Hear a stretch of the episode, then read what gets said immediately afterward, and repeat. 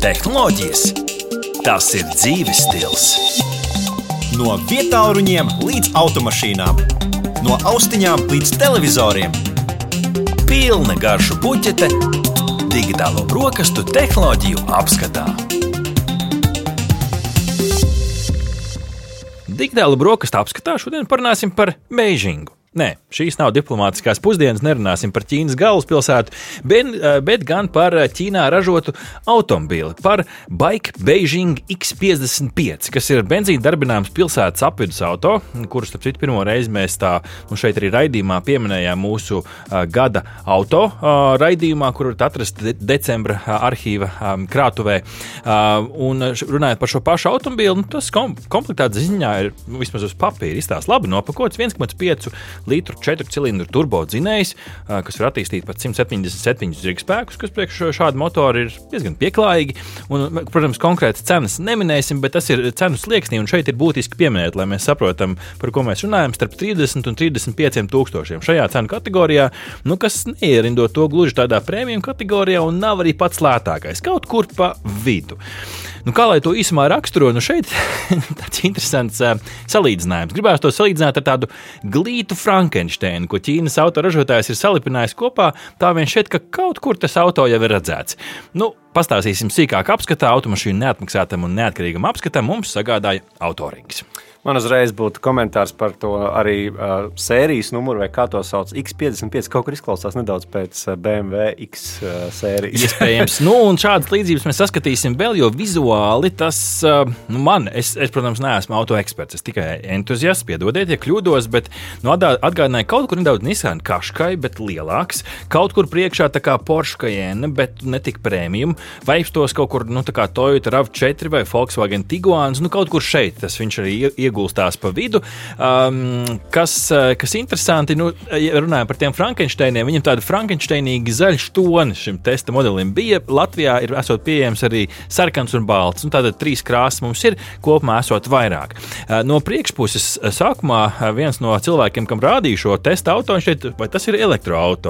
Nu, jo priekšējais bumpers kaut kur atgādina nu, kaut kādu Volkswagen ID bāzi, nu, tāds rombiņa mustur un tas režģis, kur parasti gaisu velk iekšā, nu, kaut kur apakšā mazs un paslēpts.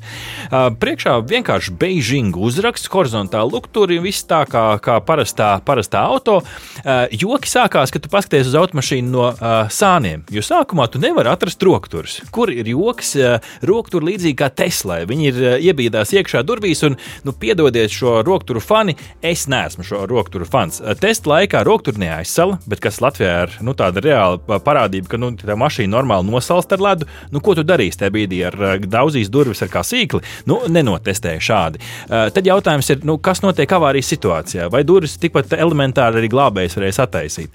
Un kas notiks beig beigās pēc gadiem, trīs, četriem, kad to ir atslēgām, durvis taisot vaļā, būs viņas, nu, varbūt nedaudz paskrāpēs. Šie ir tādi neatbildami jautājumi. Nu, aizmugurē savukārt no automašīnu diezgan glīti, tādi nedaudz 3D lukturi, viss ļoti pieklājīgi.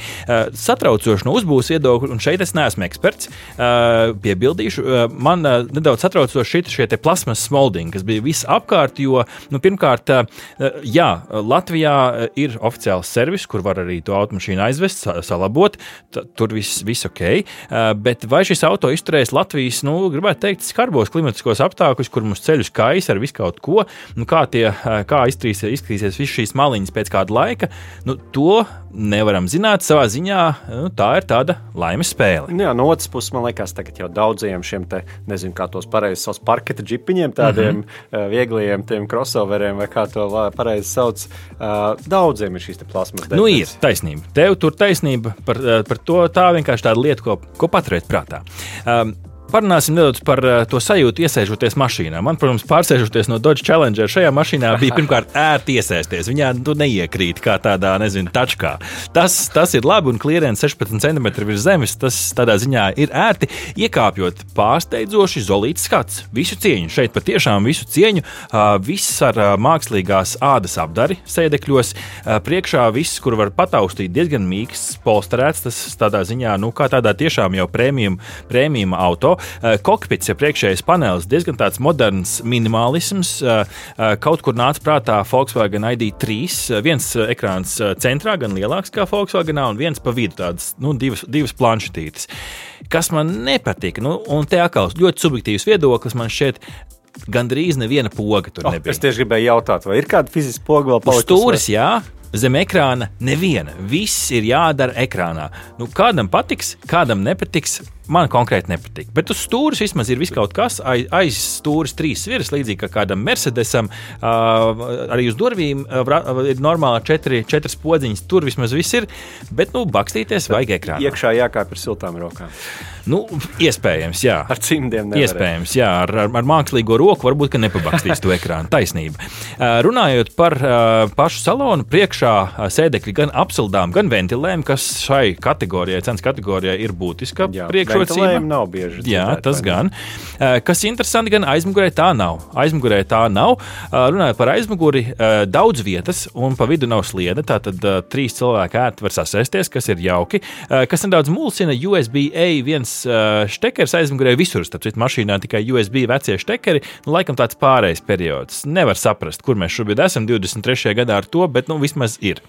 Tas, kas vēl ir, ir panorāmas jumts, kas uh, arī ir tāda maza ekstra, etc. mazs sīkums, bet patīkami, varētu teikt. Jo vadītāji no tā, tās lūkas gan iznes silts ne augsts, izņemot to, ka attaisās vaļā arī ventilācijas lūka, kas jau ir tāda jauka, jauka ekstra.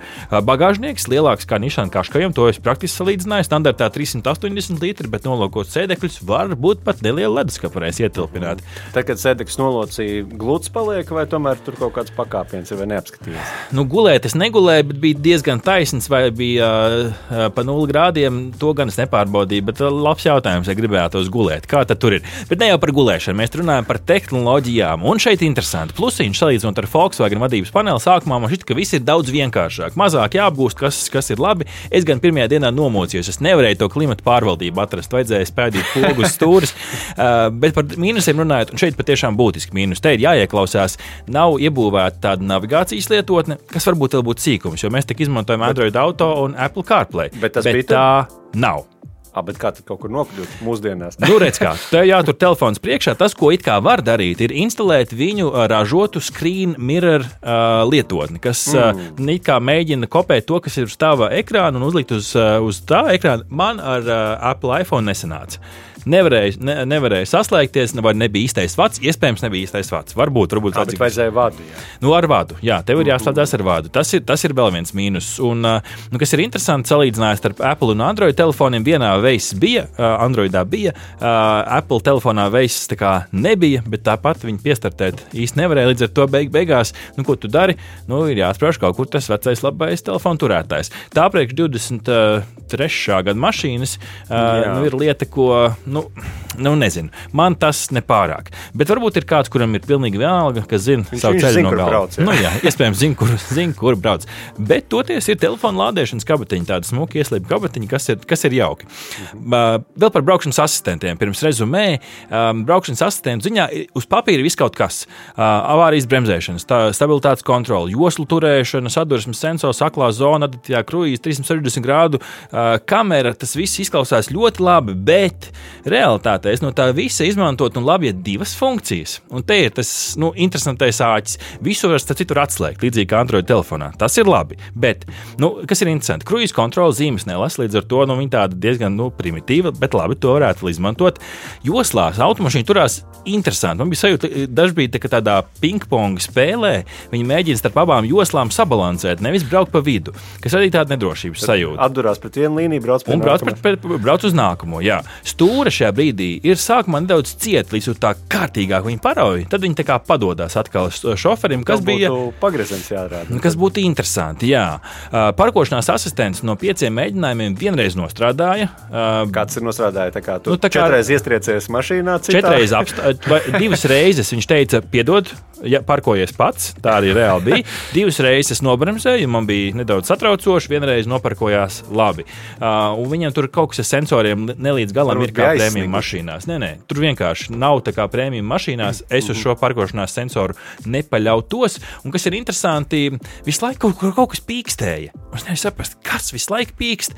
Un izrādās, ka aklā zonas sensors ir nevis lampiņa uz, uz spoguļa, kā visās mašīnās, bet šeit kaut kas pīkst. Un pīkst arī tad, kad kāds aizmugurē piebrauc pārāk tuvu. Aha. Arī tad pīkst. Un es, es to tikai pēc kāda laika sapratu. visu laiku pīkstēt. Līdz ar to es teiktu, ka šīm drošības asistentiem jauks mēģinājums, bet nu, tas īsti nav tas, kas uz papīra. Varbūt arī viņas nemaz nevienam nevajag. Ir daudz cilvēku, kas to visu izslēdz, bet nu, vismaz izslēgšanas iespēja tur ir. Pieredze braucot kopumā, es teiktu, ka ir labi. Nespiedu grīdā no 0 līdz 100, bet sporta režīms ir. Brauc dinamiski, tādā ziņā nebija kur piesieties arī pa grubuļāņu ceļu. Braucot, viss bija, vis bija daudz maz labi. Patēriņš man ar tādu diezgan, nu, teiktu, žiparīgu braukšanu bija 9 litrus 100. Vērtējiet paši. Motoru pārāk dzirdēt nevarēja, bet uz šoseis vēju gan sadzirdēt varēja.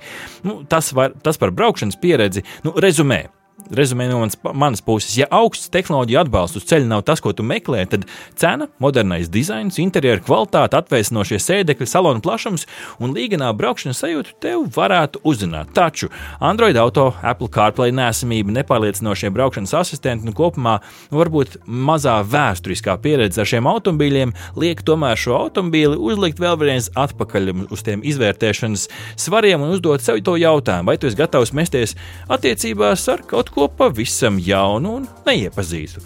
Varbūt, varbūt nē, bet šāds bike Beijing X55 apskats. Paldies, ka brokastoji kopā ar mums!